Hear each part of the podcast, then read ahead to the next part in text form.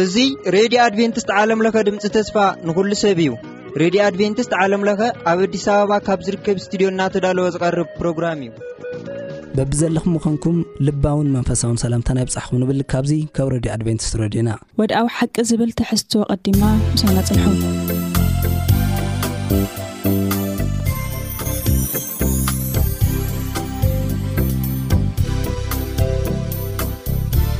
ሰላም ከመይ ቀኒኹም ኩራት ተኸታተልቲ መደባትና እዚ መደብ እዚ ኩሉ ግዜ እንቕረበልኩም መደብ ውድዓዊ ሓቂ እዩ ሕጂ ሒዝናዮ ንቐርብ ክፋል ድማ ሻድሻይ ክፋል ንኣገልግሎት ምልዓዓልን ምብጋስን ዝብል እዩ ቅድሚ ናብቲ መደብ ምእታውና ከዓኒ ሓፍትና ስከዳር ጸሎት ገይራ ክትጅምረልና እያ እግዚኣብሔር ኣቦና ነመስግነካ ኣብዚ ሰዓትን ኣብዚ ግዜን ኣብዚ ተራኺብና ክንመያየጥን ንህዝብኻ ዝኸውን ሓሳብ ክንህብን ስለ ዝዓደምካና ነመስግነካ ኣብዚ ህልውና ትምህርቲ ኩሉ ሓቢርካና ክትኾን ሰማዕትና እውን እግዚኣብሔር ኣምላኽ ምሳኻ ክኾኑ ኣእዛኖምን ልቦኖምን ንዓኻ ክህውን ልምነካ ኩሉ ከም ፍቓድካ ይኹን ብሽም ኢየሱስ ኣሜን። ብኣርከስ እዚ መደብ እዚ ሒዝናልኩም ዝቐረብና ኣነ ሳሌም ነጋሲ ምስ ሓፍቲ እስከዳር ኣሸናፊ ሳልሳይ ከኣኒ ሓው ንኣማን ብምዃን ኢና እዚ መደብ እዚ ሒዝናልኩም ዝቐሪብና። ከም መእተዊ ሓው ንኣማን ከቕርበልና እቲ ሓሳብ። ሕራይ ከም መእተዊ ጥቕሲ እተዋህበና ኣብ ሉቃስ ምዕራፍ ዕስራን ኣርባዕተን ፍቕዲ ኣርባን ኣርባዕተን ዘሎ እዩ። ከምዚ ድማ ይንበብ ንሱ ድማ እዚ ምሳኻትኩም ከሎኹ ኣብ ሕጊ ሙሴን ነብያትን መዛሙራትን ብዛዕባይ እተጻሕፈ ዅሉ ኽፍጸም ይግብኦ እዩ ኢለ ዝነገርክኹም ቃለይ እዩ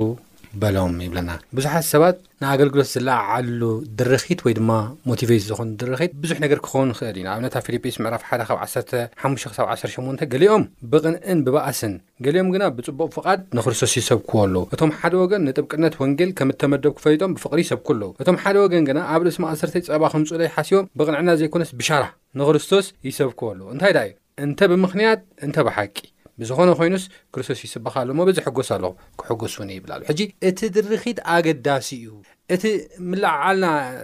እነገልግለሉ ምልዕዓል እቲ ሞቲቭ ኣገዳሲ እዩ። ርግጽ እዩ ጳውሎስ ኣብ ዝነበረሉ ግዜ ገሊኦም ሻራ ከምጽኡ፣ ጸበባ ከምጽሉ፣ ሽግር ከምጽሉ፣ ብብዙሕ ነገራት ብብዙሕ ሻራ ይሰብክዎ ነይሮም እዮም ክርስቶስ ነገር ግን ገሊኦም ከዓ ብፍቕሪ ንፍቕሪ ክርስቶስ ተረዲኦም ይሰብኩ ነይሮም እዮም እሞ ሎሚ እንሪኦ ብሓፈሻ ቅኑዕ ሞቲቭ ቅኑዕ ሞቲቭ ሃሊና እቲ ወንጌል ክንሰብኮ ኣለና ዝብል ሓሳብ እዩ ዘሎ ማለት እዩ ስለዚ ኣዝዩ ገላፅ ዝኾነ ዘራርባ እዩ ጳውሎስ ኣብዚ ሓሳብ ዝተዛሪቡ ዘሎና ጳውሎስ ኣተክሮ ዝገብረሉ ብስራት ወንጌል ጥራሕ ናብ ሰባት ምብፃሕ እዩ እቲ ትኩረቱ እሱ እዩ ብተመሳሳሊ ድማ ወንጌል ኢየሱስ እንሰብከሉ ምክንያት እውን ኣገዳሲ እዩ ንኣምላኽን ንሓቁን ስለ ነፍቅር ክንሰብኽን ናይ ኣምላኽ ዕዮ ክንዓይን ይግብኣና እዩ ብዝብል ሓሳባት ኢና ክንርኢ ማለት እዩ ብዝቐፅል ትምህርትታት እዚ ይመስለኒ ሓው ንኣማን መእተዊ ከም ዝነገረና ንምልዓዓል ዘልዕለለን ነጥብታት ከኣኒ ቐፂልና ኣብ ናይ እሁድ ክፋል ከይድና ክንሪኦ ኢና ደቂ ኣንስትዮ ኣለዋ እተን ደቂ ኣንስትዮ ንክርስቶስ ሰለስተ ዓመት ሙሉእ ምስኡ ዝተጓዕዛ እየን ተኣምር ክገብር ከሎ ድረኣያ እየን ነገር ግን ዝረኣዮ የሱስ ከኣ ንክመውት ከኣ ንርኤናው ግን ኣብቲ ናይ መዛዘሚ ጽቡቕ ኮይኑ ስለ ለይተረእየን ከምቲ ልማድ ኣብ እስራኤል ዝግበር ንሓደ ሬሳ ኣብ ሰለስተ መዓልቲ ውሽጢ ከይድካ ትቐብኦ ሽታ ተብስሰሉ ገለ እዩና ከምቲ ልሙድ ብእሁድ ወጋሕታ ናይ ሰሙን መጀመርታ ከይደን ክሪኣ እንከለዋ ኣብቲ መቓብር ምንም ነገር የለይ ሽዑ ንሰ እንታይ ገይረን እዩ ድብል ንሽዑ ሰንቢደን ሽዑ ክዛረባ እንከለዋ ጽውጽዋይ እምበር በቃ ትኽክለኛ ዝኾነት ኣይኮነን ነይሩና ነዚ ዘለዓዓለልን ግን እቲ ናይ ህይወት ማይ ብትኽክል ክሓቕኦ ስለ ለይከኣላ እየን ነቲ ብስራት ወንጌል ከካፍላ ዝገበረለን ምክንያት እዚ ዝሕባእ ኣይኮነ ምክንያት የሱስ እንታይ ኮይኑ እዩ ተንስኡ እዩ ግን ኣንስቲ ነይረን ስለምንታይ እየን ትናዕቐንሰን በቲ ሰዓት ንሳ ነንስቲ ዝበሃው ነረ ቦታ ብጣዕሚ ዝነእሰ ስለ ዝነበረ ግን የሱስ መጀመርያ ዘበሰረ ንመን እዩ ንአን እዩ ንሰን ከኣ እንተበሲረን እቲ ናይ ህይወት ምንጪ ትኽክል ናይ ብሓቂ ክልዓልየ ደበለን ክለዓል ምስ ረኣያ ተደናጊፀን መጀመርያ ከይዱ ጎዩ ዝረኣየ ኮ ጴጥሮስ እዩ ምስ በቃ እቲ ዝረኦስ ትኽክል ኮይኑ ስለምንታይ ተንሕና ንነግሮ ተንሕና ነበስሮ እንታይ ኣይኮነ ፅውፁ ሕጂ ኣብዚ ደለና ኣሕዋት ኮነ ካልኦት ኣሕዋት ትሰምዑ ከምህሩ ከለው ትሰምዕዎም ደለኹም ካብ ክርስቶስ ዝረሓቐ ጥራሕ እዩ ፅውፅዋይ ክኸውን ዝኽእል እዘን ሰባት እዚአን እዚ እየን ሒዘን ከይደን በርግጥ ሽዑ ዝነበሩ ዝናገርዎ እንደለው ሰባት ምሁራት እዮም ክስማዕ ኣይክእል ኣይንሰን እቲ መጠነን እቲ ቦትአን ክዕቀነን ኣይክእል እዩ ናይ ብሓቂ ከ ንትሽዑ ዝነበረ ሲዝን እነ ጴጥሮስ እነመን እዮም ንፈልጦም ኢና እነ ቶማስ እነ ማቴዎስ እነገለ ግን እሰን ክሓኦ ይክኣላይ ኢምፕረስ ይገብረካ ኢልና ግን ሓቂ እዩ ነይሩ ብቃ እቲ ክሓኦ ለይከኣላ ነገር እቲ ብስራት ንበይነን ክገብሮ እየከኣላይ ሰንቢደን ኢቨን ፍ ስለልካብደን ኢና ኢሊ ምግላፅና ሕጂ ብዚ ትድርኺትሲ ቁኑዕ እዩ ነይሩ ፍቕሪ እዩ ነይሩ Yes. ኮንፊዥን እዩ ነይሩ ካልእ እ፣ ናይ ክፍኣት ዓይነት ምክንያት ኣይነበረን እና ብቕንዕና ስለ ዝኾነ ንብዙሓት ድማ ኣላዒሉ በዓል Yes. ጴጥሮስ ጎዮም ክመፁ ደልዮም ካብቲ ዝነበሮም ተስፋ ምቑራፅ ካብቲ ዝነበሮም ፅልመት ካብቲ ዝነበሮም ፍርሒ ኢንፋክት ተዓፅዮም እዮም ነይሮም ፈሪሖም የሱስ ክርስቶስ ስለ ዝሞተ ንዓና ክረኽቡና እዮም ስዒብና ንሞት ንሕና ኢና ዝብል ሓሳባት እዩ ነይሮም ዳሕር ግን ዘን ኣንስቲ እዚ ነገር እዚ ምስ ሰበሮ ከይፈለጥዎ እቲ ፍርሒ ንባዕሉ እቲ ማዕፆ ሴሮም እዮም ንክርስቶስ ክርእይዎ እናጎይዎ ከይዶም እሞ ብጣዕሚ ትኽክል ኢኻ እና ናይ እሁድ ክፋል እዚ ይመስል ኣብ ናይ ሶኒ ከይድና ክንርኢ ከለና ከዓና ሓፍትና እስከዳር ሓሳብ ክትህበልና እያ። ናይ ሶኒ ትንቢታዊ መሰረት ዝብል ዘለዎ ሓሳብ እዩ ሉቃስ ምዕራፍ ዕስራን ኣርባዕተን ካብ ቁጽሪ ሰላሳን ሽዱሽተን ክሳብ ኣርባዓን ትሽዓተን ዘሎ ሓሳብ። እዩ ገልጾ ናይ ሶኒ ትምህርትና እና ክርስቶስ ከመይ ከም ዝገበረ ከመይ ኢሉ ንኦኦምሲ መሰረት እውን ከም ዝኾኖም ከመይ ኢሉ መቐይሮ ነጥብ ኮይኑ ዝብል ሕቶ እውን ኣሎ ኣብ ናይ ሶኒ ሓሳብና እቶም ደቂ መዛሙርት መጀመርያ ካብ ፍርሒ ዝተላዕለ ክኣምንዎ ዘይምኽኣሎም ዘገርም እዩ ይብለና እሞ ደሓር ድማ ንየሱስ ምስ ረኣይዎ ህያው ምዃኑ ምስ ኣረጋገጹ ካብ ሓጎስ ዝተላዓለ ክኣምንዎ ኣይከኣሉን እዚ ኣብ ሉቃስ ካብ ምዕራፍ ዕስራን ኣርባዕተን ዘሎ ንረኽቦ ሓሳብ እዩ። ኢየሱስ ከምዚ ዝበለ ኩነታት ገዲፉ ክኸድ ኣይደለየን ይብለና። ናይቶም ደቀ መዛሙርት ካልኦትን ኣብቲ ላዕለዋይ ኣዳራሽ ዝነብሩ ተናክሮ ከምዚ እዩ ዝነበረ ይብል እሞ ምረስዕዎ እውን ምክኣሉ ነይሮም ይብለና። ስለዚ ክርስቶስ ነቲ በሰላታቱ ብምርኣይ ንሳቶም ዓሳ ብምብላዕ ጥራሕ ክሓድጎም ኣይደለየን። ናብቲ ቃል ወሲዱ ናይ ዓርሱ ትንቢታዊ መሰረት ተልእኾ ኣገልግሎትን እዩ ዘርኣዮም። ይብለና ኣብ ሉቃስ ምዕራፍ 24 ካብ 36 ሳ 49 ዘሎ ሓሳብ ከድና ክርኢ ከለና እዚ ክዘራረቡ ከለዉ ከዓ የሱስ ባዕሉ ኣብ ማእኸሎም ደው ኢሉ ሰላም ንኣኻትኩም ይኹን ከም ዝበሎ መረጋገፂ ከም ዝሃቦምን ንሳቶም ድማ መንፈስ ዝረኣዩ መሲልዎም ፈሪሖም ከም ዝሰንቢዶም ከም ዝነበሩ ንሱ ከዓ እንታይ ኮንኩም ኢኹም ትሰንብዱ ከም ዝበለ ሓሳብ ከስለምንታይ ኣብ ልብኹም ይለዓል ኣነ ባዕለይ ምዃነይ ኣእዳወይን ኣእጋረይን ረኣዩ ኢሉ እቲ ዝተቖሰለ ኣእዳውን ኣእጋሩን ከም ዘርእዮም ንርኢ ከምዚ ንኣይ ዘሎኒ እትርእይዎ ዘለኹም ንመንፈስሲ ስጋን ዓጽምን የብሉን እሞ ኣረምሲስኩም ረኣዩኒ ይበሉ እዚ ኢሉ እውን ኣእዳውን ኣእጋሩን ኣረኣዮም ንሳቶም ከዓ ተገሪሞም ነዚ ኩሉሲ ከረጋግጸሎም እዩ ደልዩ ክርስቶስሲ ንምርግጋጽ ኮንፊዥን ክኣትውስ ኣይደለየን ምክንያቱ ብዙሓት ገሌና ርኢናዮ ይብሉ ኣብ ኤማሁስ ተራእዩ ይብሉ በቲ በቲ ብዙሕ ወረታት እዩ ነይሩ ርግፅ ዝኾነ ነገር ኣይነበረን ዳሓር ግን ከምዚ ዓይነት ድንግርግር ግን ክገድፎም ኣይደለየን እወ ብከምኡ ክገድፎም ውን ኣይደለየን ካብቲ ንሳቶም ዝነበርዎ ሓሳብ ውን ምንም እንኳን ኣብዚ ሕዚ ዘለናዮ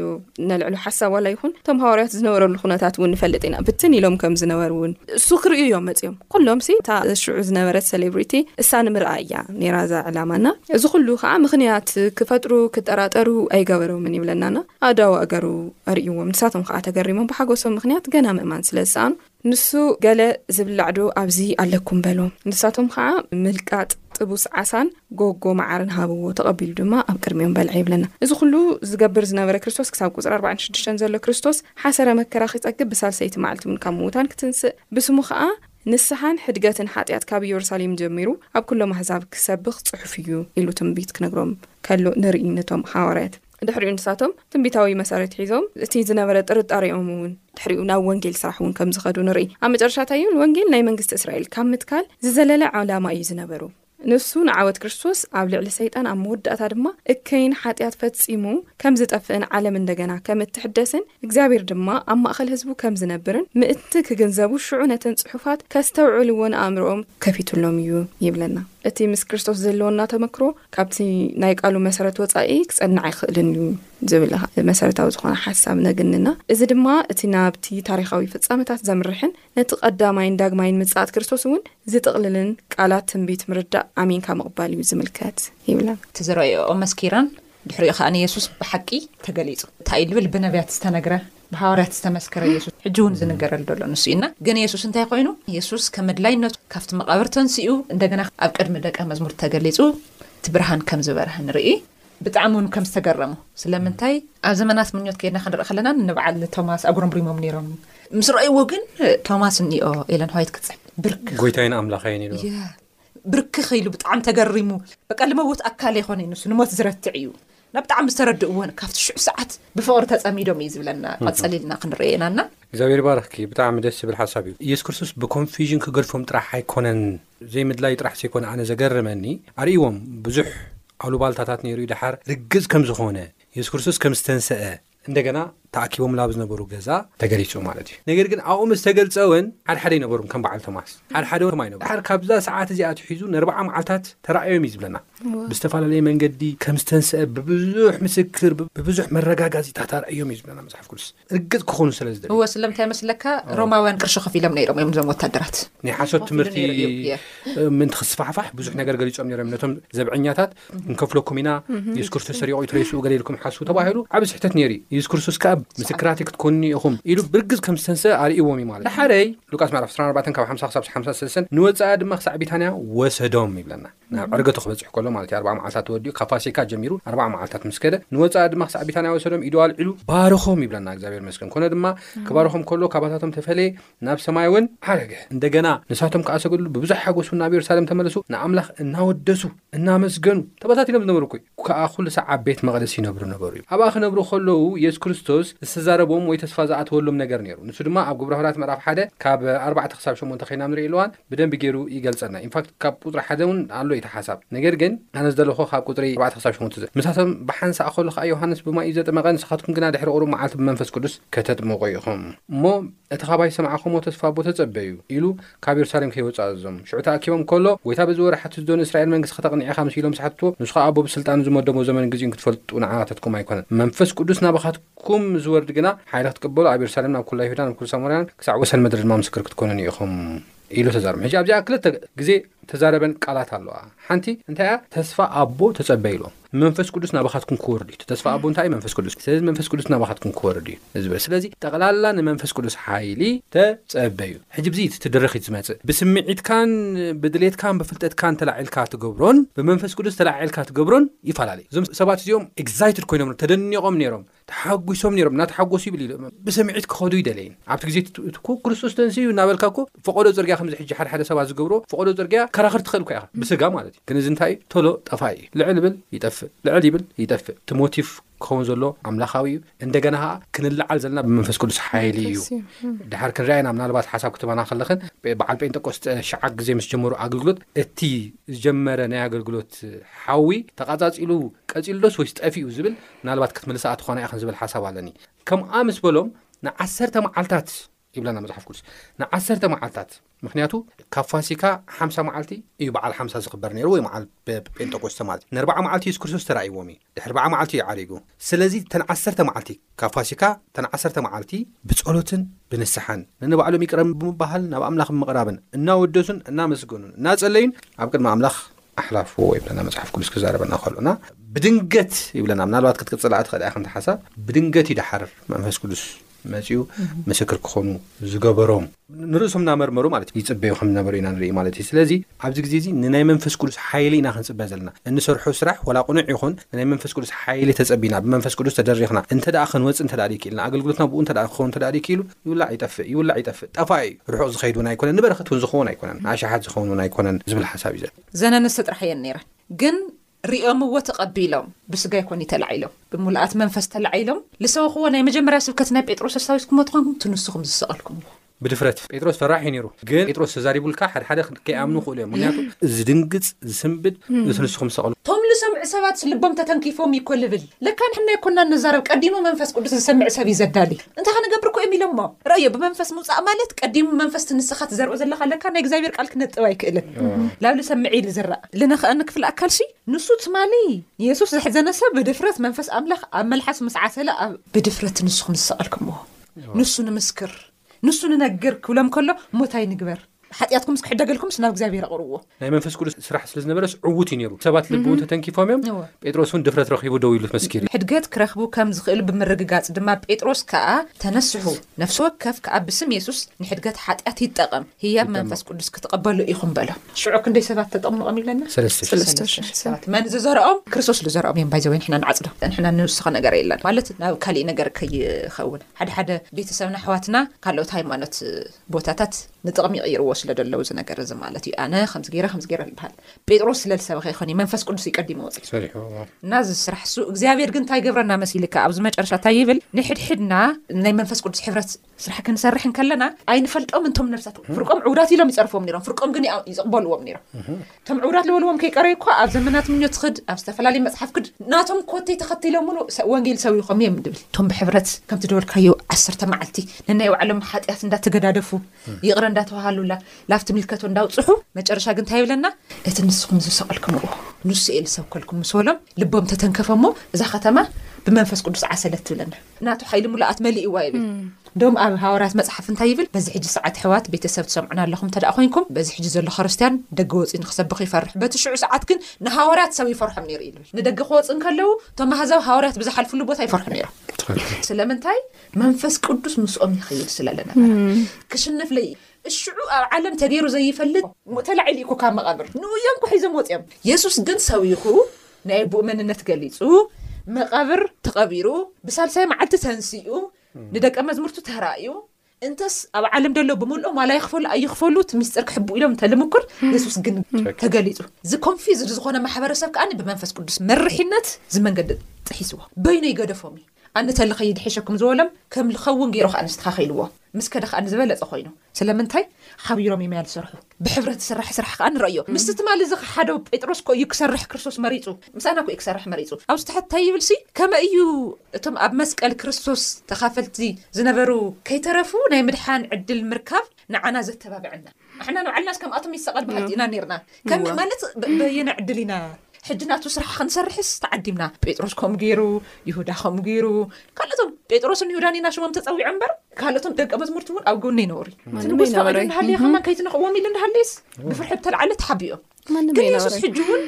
ሽዑ እውን ከይቀረየ ምስኦም ክሰርሕ ምክንያቱ ክምዝክሩለይ ባይዘወይ ኣቀዲሙ ስለ ዝረዮም እዩ እግዚኣብሔር ይፈልጠና እዩ ንሕና ናይ ሕጂ ውድቀትና ኢና ንፈልጥ፣ እግዚኣብሄር ግን ከመይ ከም ንለዓል ከመይ ከም ንወድቕ ብደንቢ ይፈልጦ እዩ። ንእኡ ከኣ ምሳና ክሰርሕ ዓገግ ንብል እግዚኣብሄራት ኢና። ስለምንታይ? ከምዚ ከም ድላይና ኮይና ውዒልናስ ግን ምስቲ ነቲ ወንጌል ሓቢርና እዚ ብስራት እዚ ክንነግር ምጽዋዕ ማለት ከምቲ ድበሎ እዩ ብመንፈስ ቅዱስ ምርሒት እዩ ኩሉ ልኸውን ካብ ብስጋና ተልዒልና ንገብሮ ኣይኮነን ከምኡ እንተ ልኸውን ነይሩ ብዙሓት ነብያት ሃዋርያት ሓሊፎም እዮም ብሽም የሱስ ተጠቒሞም ግን ፍረ ከፍሊ ልኽእል መንፈስ ኣይነበሮም ኣብ መንጎ እንዶም ላብ ልሓለፈ ሳልሳይ ርባዕ ነይሩ ንመንፈስ ቅዱስ ክገዝእዎ መኪሮም ነይሮም እና ንርኢ ኢና ሓደ ሓደ ፓርትታት ስለዚ ናይ ረብዑ ክፋል እዚ ይመስል ሓሙስ መወዳእታ ሓፍትና ስከዳር ትቕረበልና እዩ እወ ኣብቲ ቅድሚኡ ግን ኣብቲ ዘቕረብክዮ ሓሳብ ሲ እዚ ንኣና ብኸመይ ኣብቶም ቅድም ኢሎም ዝነበሩ ናይ ወድዓዊ ሓቂ ፕሮግራምና ርኢናዮ ነርናና ብኸመይ እዩ እዚ ነገር እዚ ንኣና ተስፋ ዝህበና፣ ዘተባብዐና፣ ገለ ዝብል እውን ርኢናዮ ኔርና። ክርስቶስ ክናገር ከሎ ንደቀ መዛሙርቱ ብዛዕባ እዚ ወንጌል ክነግሮም ከሎ ንዓለም ኺዱ ገለ ክበሃል ከሎሲ ይፈልጠን እዩ ኔሩ እተን ከተማታት ምን ያህል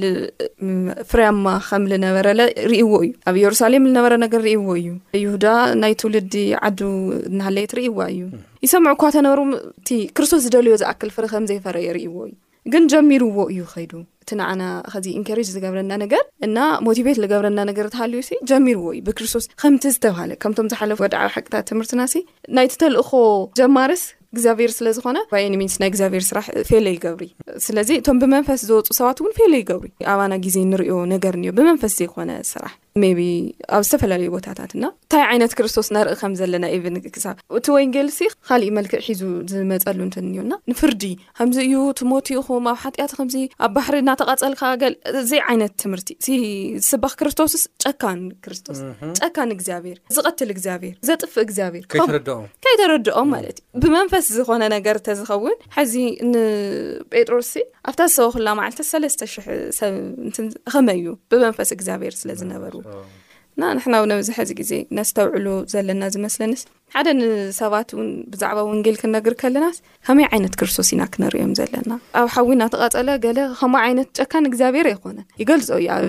ትንቢት ህዝቅኤል ናይ መጨረሻ መደምደምታ ከም ዝገብረሉ ይናገር እዩ ክርስቶስን ግን ንሕና ሕዚ እንብሎ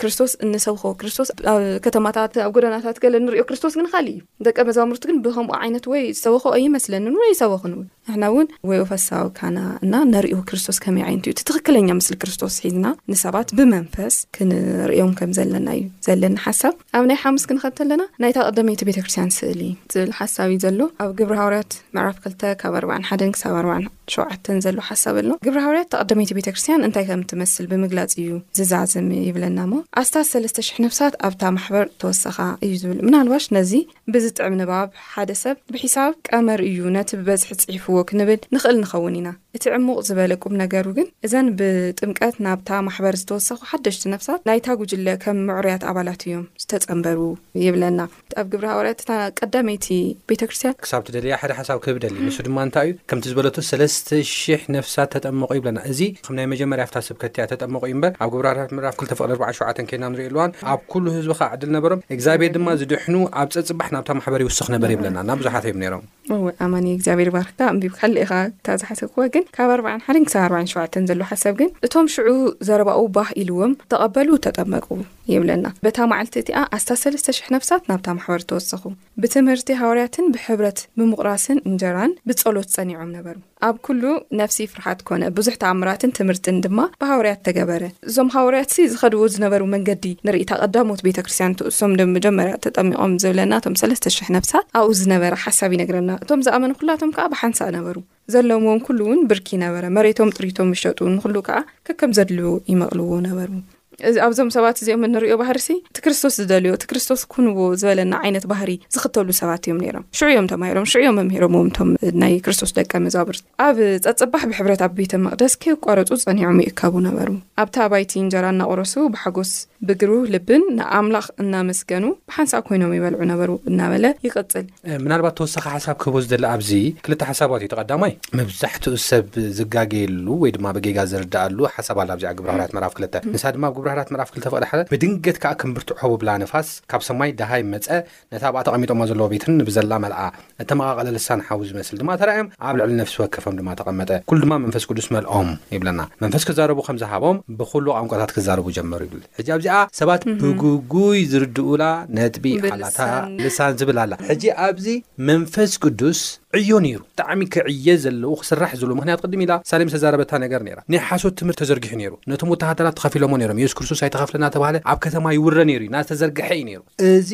ግዜ ዘይህብ ትምህርቲ ነይሩ። ስለዚ መንፈስ ቅዱስ ክዓዪ ክኽእል ኣለዎ። እዞም ሰባት እዚኦም ከኣ ኣዳልዮም እዮም ነይሮም ርእሶም፣ በዚ መልክዕ እዚ ድማ እንታይ ገይሮም እዮም? ይጽበዮም ነይሮም። በዚ ናይ መንፈስ ቅዱስ ተስፋ ኸኣ መንፈስ ቅዱስ እንታይ ገይርዎም? ንዕዮ ልሳን ከም ዝሃቦም ኢና ንርኢ። መንፈስ ቅዱስ ከኣ ነዚ ስራሕ እዚ ንምዕያይ ነዞም ሰባት እዚኦም ልሳን ከም ዝተዋህቦም ኢና ንርኢ። ስለዚ ልሳን ነዚ ዕዮ እዚ ንምዕያይ ዝተዋህበ ውህበት እዩ። ልሳን ስቕ ኢልካ ኣይኮነን ንዕዮ ዝወሃብ እዩ ሓደ። ካልኣይ ልሳን ኣብዚ ክንርኢ ከለና እንታይ እዩ ዝብል ኣብ ግብረ ሐዋርያት ምዕራፍ ክልተ ከይድና ኣብ ንርእየሉ እዋን ፍቕዲ ሓሙሽተ ኣብ ትሕቲ ሰማይ ካብ ዘሎ ኩሎም ሕዝቢ ሕያዎት ሰባት ኣብ የሩሳሌም ዝነበሩ ኣይሁድ ነበሩ እዚ ዳሂ ምስ ኮነ ከኣ ምስ ተኣከበ በብዘረብኦም ክዛረቡ ሰሚዖም ከኣ ዝብልዎ ጠፍኦም ኩሎም ተገረሙ ተደነቑ ከምዚ ከኣ በሉ እንሆ እዞም ክዛረቡ ከለዉ ገሊላውያን ዶ ኣይኮኑን ከመይ ኢልና ኩላትና በቲ እተወለድናሉ ቛንቋ ክዛረቡ ንሰምዖም ኣለና which is ብዝሰምዕዎ ቛንቋ ካልኦት ብዝሰምዕዎ ቋንቋ which is ኣብቲ ግዜ እቲ በዓል ሓምሳ ከኽብሩ ብዙሓት ህዝቢ ካብ በቦትኡ መጺኦም ነይሮም including ካብ ኢትዮጵያ ምናልባት ኣይተጻሕፈን እምበር ካብ ኢትዮጵያ እውን ከይዶም ነይሮም ምኽንያቱ ወንጌል ናብ ኢትዮጵያ ዝኣተወ ይብሉ ብዙሓት ታሪኽ ጸሓፍቲ ኣብዚ ግዜ እዚ ንበዓል ንበዓል ሓምሳ ኢሎም ዝመጹ ሰባት እዛ ወንጌል እዚኣ ሰሚዖም እዮም ሒዞማ ዝመጹ ሽዑ እዩ መጺኡ ዝብል ክርክር እውን ኣሎ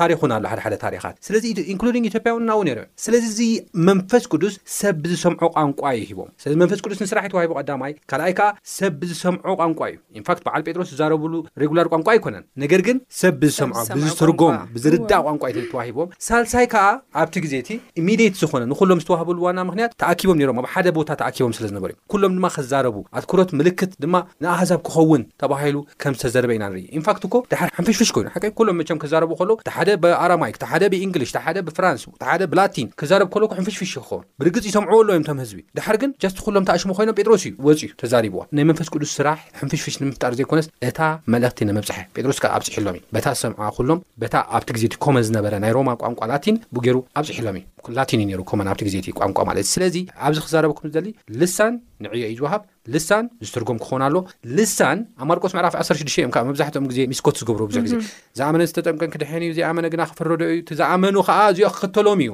ብሓድሽ ቋንቋ ክዛረቡ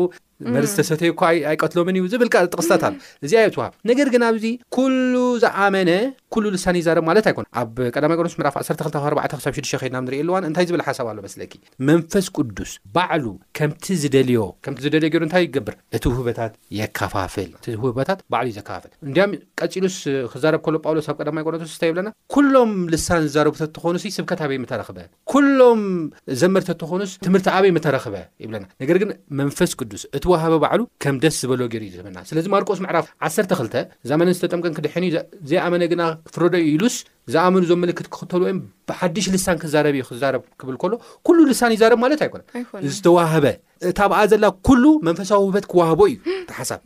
ግን ንሓደሓደ ዝተፈላለዩ ልሳን ኣሎ ንሓደሓደ ናይ ትምህርቲ ንሓደሓደ መዝሙር ንሓደሓደ ናይ ስብከት ቃላት ክዋሃቦም እዩ እዩ እቲ ሓሳብ ንሓድሓደ ናይ እምነት ንሓድሓደ ናይ ምኽሪ እዚ ዓይነት ውህበት ክወሃቦም ኢዩ ዝብል ማለት ኢዩ። ስለዚ በዚ መልክዕ እዚ ክንርድኦ ከም ዘለና ኢዩ። ዝነበረና ጻንሒት እዚ ይመስል። ሓሳብን ጥያቄን ብዝህልይኩም ብልሙድ ስልኪ ቁጽርታትና ባዶ ትሽዓተ ሰማንያን ትሽዓተን ሰብዓን ሸውዓተን ኣርባዕን ሓሙሽተን ቴስዓ ኢልኩም፣ ከምኡ ውን ዜሮ ትሽዓተ ዓሰርተ ዓሰርተ ኣርባዕተ ሓምሳን ሓደን ዜሮ ሓሙሽተ ወይ ድማ ብፖስታ ሳስን ቁጽርና ሚእትን ኣርባዓን ሓሙሽተን ኣዲስ ኣበባ ኢትዮጵያ ከምኡ ውን ብናይ ኢመይል ኣድራሻና tigsong@gmail.com ኢልኩም ክትልእኹልና እናዘኻኸርና። ዝነበረና ጻንሒት እዚ ይመስል። ሰናይ ቅነ።